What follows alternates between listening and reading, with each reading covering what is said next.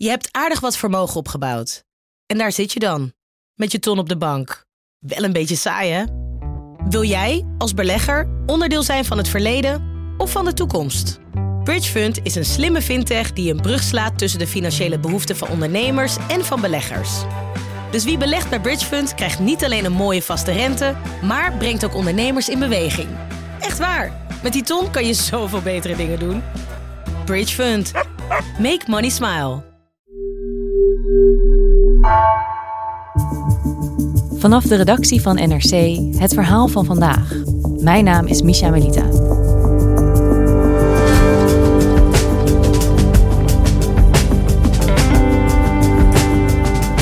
We beginnen het nieuwe jaar midden in een lockdown.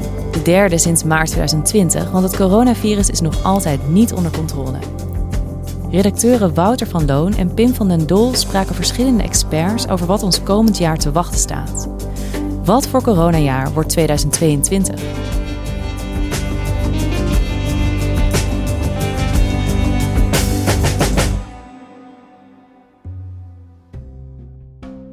Hey Wouter, goedemorgen en uh, gelukkig nieuwjaar.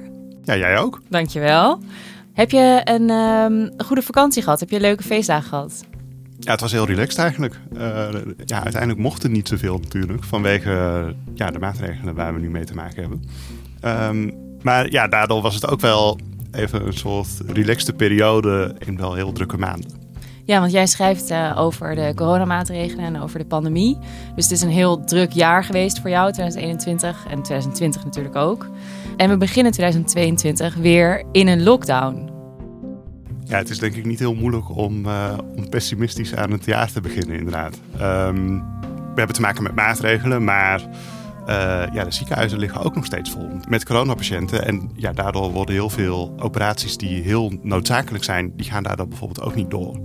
Uh, dus aan de ene kant ja, hebben we natuurlijk als samenleving te maken met veel dingen die niet kunnen. En aan de andere kant hebben we ook nog steeds een zorgcrisis. Dus het begin van het jaar is niet per se heel vrolijk, inderdaad. En wat voor jaar wordt 2022 als het over corona gaat? Ja, dat is best wel moeilijk om te zeggen. Uh, als we uh, teruggaan naar een jaar geleden, toen dachten we allemaal, uh, we gaan vaccineren en dat gaat misschien maandenlang duren, maar daarna zijn we voor het grootste deel vanaf. dat bleek toch niet zo te zijn. Mijn collega Pim van den Dol en ik dachten, misschien moeten we toch eens gaan kijken hoe dat jaar eruit zou kunnen zien.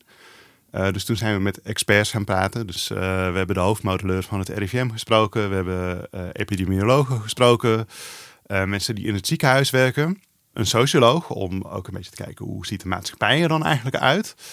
En ja, op die manier zijn we gaan kijken, oké, waar zijn zij het over eens, waar zijn ze het over oneens. En toen kwamen we uiteindelijk ja, op twee scenario's uit. Um, dat klinkt alsof er een soort verdeeldheid was, maar ze waren het over best veel dingen eigenlijk ook wel eens. Uh, dus bijvoorbeeld, ja, ze gaan ervan uit dat die golven elk jaar steeds wat korter en minder hoog worden. Dus uh, dat de problemen, zou je kunnen zeggen, steeds iets minder groot worden. Uh, dat je misschien ook met iets minder maatregelen elk jaar ja, zo'n golf zou kunnen bedwingen. Waar ze het niet over eens waren, was in welk tempo dat zou kunnen gaan.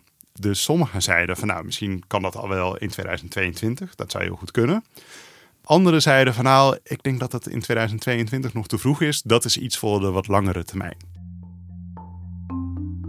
En uiteindelijk komen er dus na al die gesprekken twee scenario's uit. Ja, dus de ene is wat positiever. En wat ik net ook al zei, misschien kan het al wel in 2022. Dat er met ja, veel minder repressieve maatregelen zo'n golf al kan worden bedwongen. En misschien zelfs helemaal geen echt uh, strenge maatregelen meer nodig zijn waarin je sectoren gaat sluiten. Maar de basismaatregelen zoals afstand houden en mondkapjes en zo nog wel nodig zijn. Uh, het andere scenario, dat is uh, ja, het wat ehm, donkerdere scenario waarin eigenlijk ja, dat van de afgelopen maanden zich nog een beetje voortzet. Dus waarin er nog steeds echt heel zware maatregelen nodig zijn om te voorkomen dat, ja, dat het in de ziekenhuis helemaal uit de hand loopt. En laten we dan eens eerst kijken naar dat positieve scenario. Hoe ziet dat er dan uit? Waar alle experts al een beetje van uitgaan, is als in de hele samenleving genoeg immuniteit is opgebouwd, dat er dan toch echt veel minder mensen in het ziekenhuis gaan belanden. Omdat ze of zijn gevaccineerd of omdat ze de infectie hebben doorgemaakt. En dat is eigenlijk het punt waar we uiteindelijk, uh, ja, je zou willen zeggen naartoe werken, maar dat is niet helemaal hoe het gaat natuurlijk. Maar misschien waar we naar uit moeten kijken, laten we het dan zo zeggen. Ja, dus jij zegt eigenlijk die immuniteit die bereiken we door meer te vaccineren of doordat mensen het virus doormaken. Ja. Um, waar is dat afhankelijk van? Um, nou, uh, als je het heel positief bekijkt, dan zou je kunnen zeggen: uh, deze winter hebben we een enorme besmettingsgolf. Um, en daardoor ja, bouwen meer mensen immuniteit op. En dat is tegen een prijs, hè, want we zitten nu weer in een lockdown. En uh, nou, waar we het dus steeds over hebben, moeten operaties worden afgezegd. Best veel mensen dood ook. Als je kijkt naar de oversterfte, die is echt heel hoog. Ook in vergelijking met volgaande golven. Maar misschien veroorzaakt dat wel dat we in de, uh, ja, de volgende winter... dat er veel minder mensen in het ziekenhuis belanden. En dan zou een lockdown misschien niet meer nodig zijn. En, en we zijn natuurlijk met een boostercampagne begonnen. Hè? Dat is de andere kant. Uh, dus door die boostercampagne zijn mensen die, uh, ja, die al gevaccineerd zijn, die krijgen nog even een extra boost aan hun immuniteit.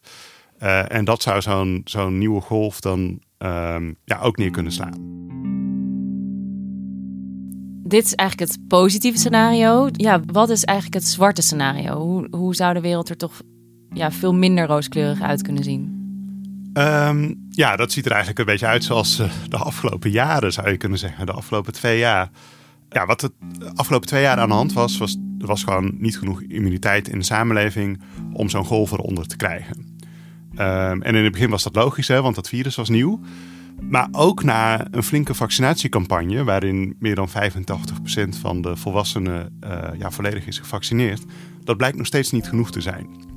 Uh, en dat, ja, dat heeft een paar redenen. Dat komt omdat dat uh, vaccin niet 100% beschermt. Dus sommige mensen die zijn gevaccineerd landen toch nog in het ziekenhuis. De effectiviteit van die vaccins die neemt na verloop van tijd neemt die af. En ja, er zijn, is toch nog steeds een flinke groep mensen die niet zijn gevaccineerd. En die wel in het ziekenhuis belanden. En de vraag is, ja, hoe gaat dat de het komende jaar precies uitpakken? Is er dan bijvoorbeeld wel genoeg immuniteit in de samenleving? Nou, daar zijn die experts nog helemaal niet zo zeker van dat dat zo is. Uh, en sommigen zeggen van ja, het wordt een soort wapenwedloop tussen de vaccins en het virus, dat steeds met een nieuwe variant komt. In het afgelopen jaar hebben we drie verschillende varianten gehad. Uh, dus we begonnen het jaar met uh, de Britse variant, die we nu de Alpha-variant noemen. toen kwam halverwege het jaar kwam de Delta-variant. En we hebben nu de Omicron-variant. Ja, het zou natuurlijk best kunnen dat het komend jaar weer allemaal varianten komen die ook allemaal dingen doen die we misschien niet voor mogelijk hadden gehouden. Um, en in het ergste geval ja, duikt zo'n variant onder de immuniteit uit die is opgebouwd in de samenleving. Ja, dus dit zijn eigenlijk die twee scenario's. Er zijn allerlei knoppen waar we aan kunnen draaien, maar heel veel is ook onzeker. Heb jij nou in die gesprekken met experts ook nieuwe ideeën gehoord om deze pandemie uh, aan te pakken? Ja, ze kwamen met, um, met drie zaken, drie facetten zou je kunnen zeggen, die misschien iets anders ingericht zou moeten worden. Um, dan gaat het over uh, de zorg. Uh, hoe zou je bijvoorbeeld ziekenhuizen iets anders in kunnen richten? Dat, ze, uh, ja, dat die een wat hogere golf aan zouden kunnen. Um, het gaat om de maatregelen die, die zouden genomen moeten worden. ja, hoe ga je dat op een iets duurzamere manier doen dan hoe we dat nu steeds hebben gedaan met lockdowns en alles sluiten of open? En de solidariteit in de samenleving. Dus hoe zorg je dat mensen zich aan de maatregelen houden en dat ze zich ja, verbonden voelen met elkaar en rekening houden met elkaar. Als we dan eens beginnen bij de zorg, wat kunnen we daar verbeteren? Ja, nou de uh, bottleneck ligt in principe bij de ziekenhuizen natuurlijk. En dan een van de ideeën die er is, uh, is om uh, een soort flexibele schil aan te brengen. Er zijn in principe best veel zorgverleners opgeleid tot IC-verpleegkundigen. Maar dat is een heel zware baan, omdat je, ja, hebt zware roosters, het is heel intensief werk. Dus die mensen die gaan naar andere afdelingen in het ziekenhuis om daar dan uh, nou, een iets, iets rustigere baan te hebben, zou je kunnen zeggen. En daarom hebben we nu dus ook minder IC-bedden dan aan het begin van de coronacrisis. Omdat gewoon personeel is iets anders gaan doen. Dus er is gewoon minder personeel dan uh, in maart 2020. Ja, dus eigenlijk um, wat iedereen zegt, we moeten meer mensen opleiden. Maar die, ze zijn eigenlijk al opgeleid, uh, maar de druk is te hoog. Ja, maar het idee is om dan toch gebruik te gaan maken van die mensen. Dus die werken op andere afdelingen. Vaak werken ze ook deeltijd, dus bijvoorbeeld drie dagen in de week.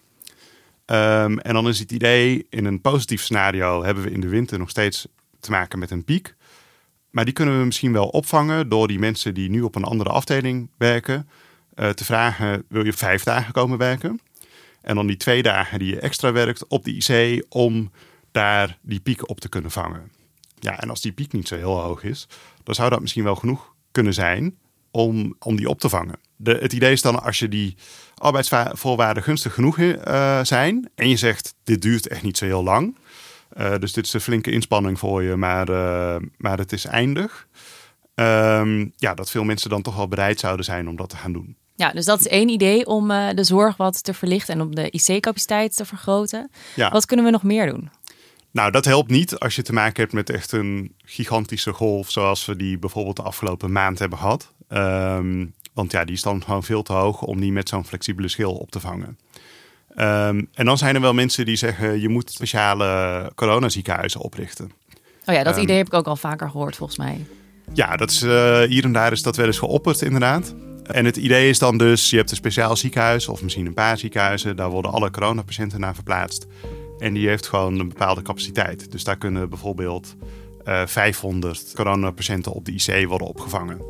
En als die 500 bedden vol zijn, ja, dan kan er niemand meer bij. Nou, aan de ene kant is dat een tussen aanhalingstekens voordeel. Want ja, dan uh, concurreert die coronazorg niet meer met de normale zorg.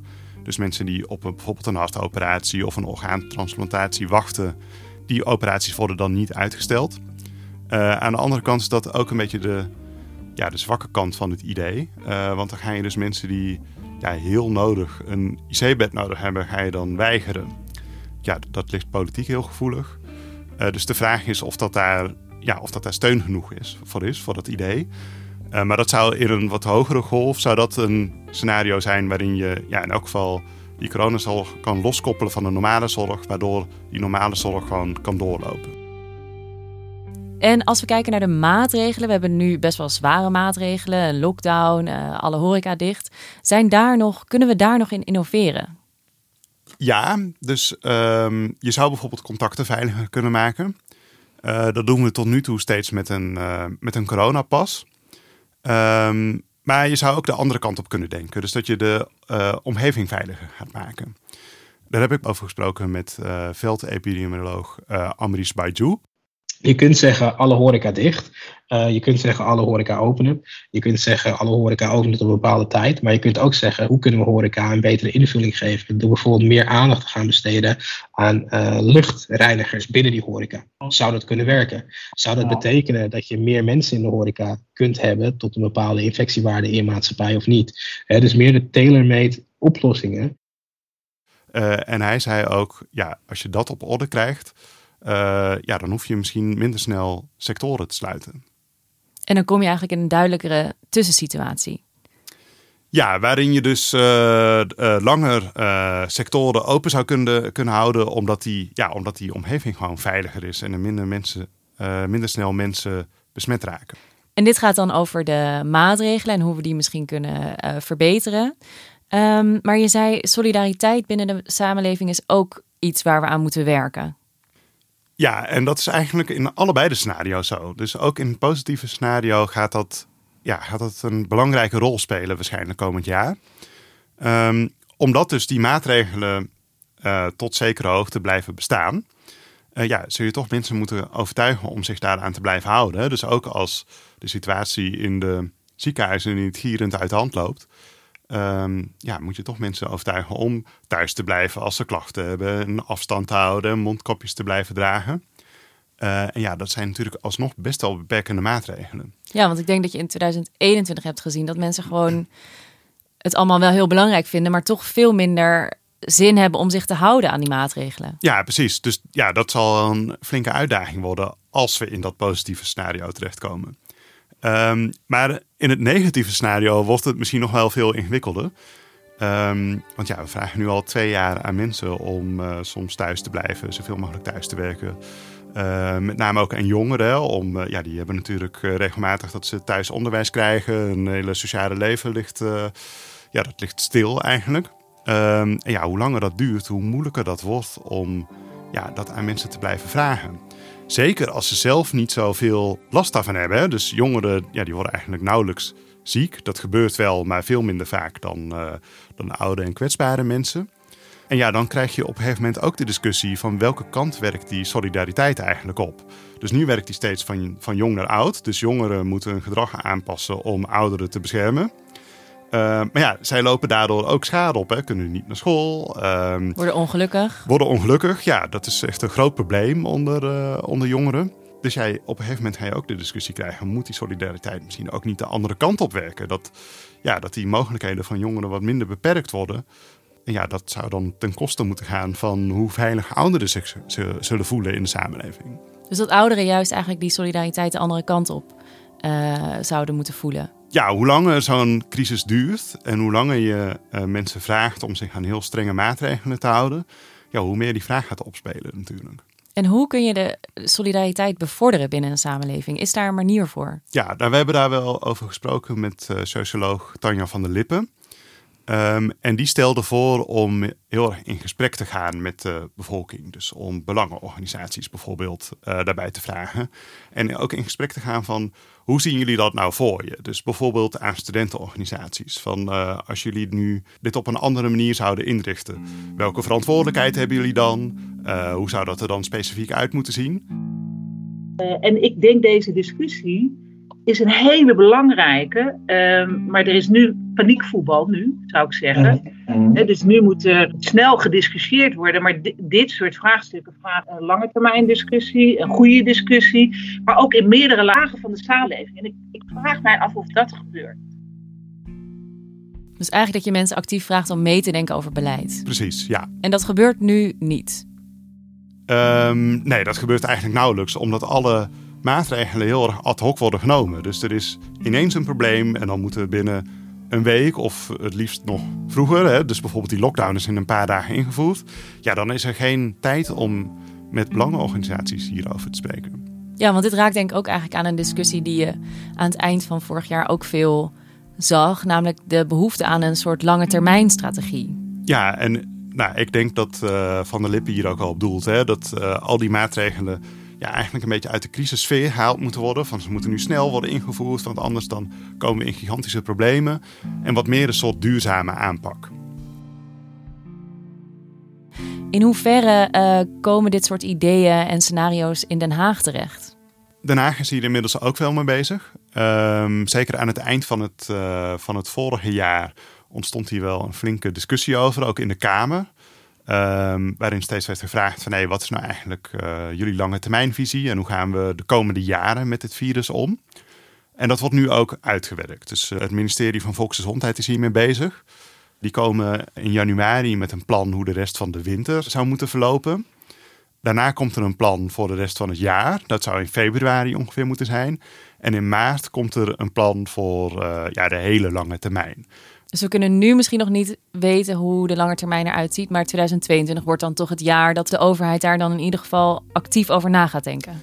Ja, dat is, dan heb je het denk ik goed verwoord. Uh, actief over nadenken. Want ik heb deze verhalen de afgelopen, het afgelopen jaar wel vaker gehoord. Dus we hebben bijvoorbeeld een routekaart gehad. Waarin dan precies stond. Bij deze besmettingsniveaus moeten deze maatregelen worden genomen. Maar die routekaarten werden eigenlijk nooit nagekomen het idee was hiermee maken we beleid voorspelbaarder. Maar er werd eigenlijk helemaal niks voorspelbaarder. Want er kwam steeds een maatregel bij of er werd een maatregel afgehaald die ontrichtend was voor de samenleving. Dus bijvoorbeeld de avondklok werd er ineens bijgetrokken of gingen toch de scholen dicht, terwijl dat idee was om de scholen nooit meer te sluiten. Um, dus de ideeën klinken goed, maar ik wil nog wel even zien wat hier in de praktijk nu precies van terecht komt.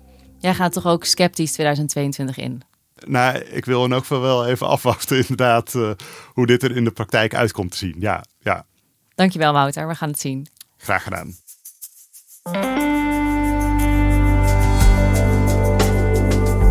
Je luistert naar Vandaag, een podcast van NRC. Eén verhaal, elke dag.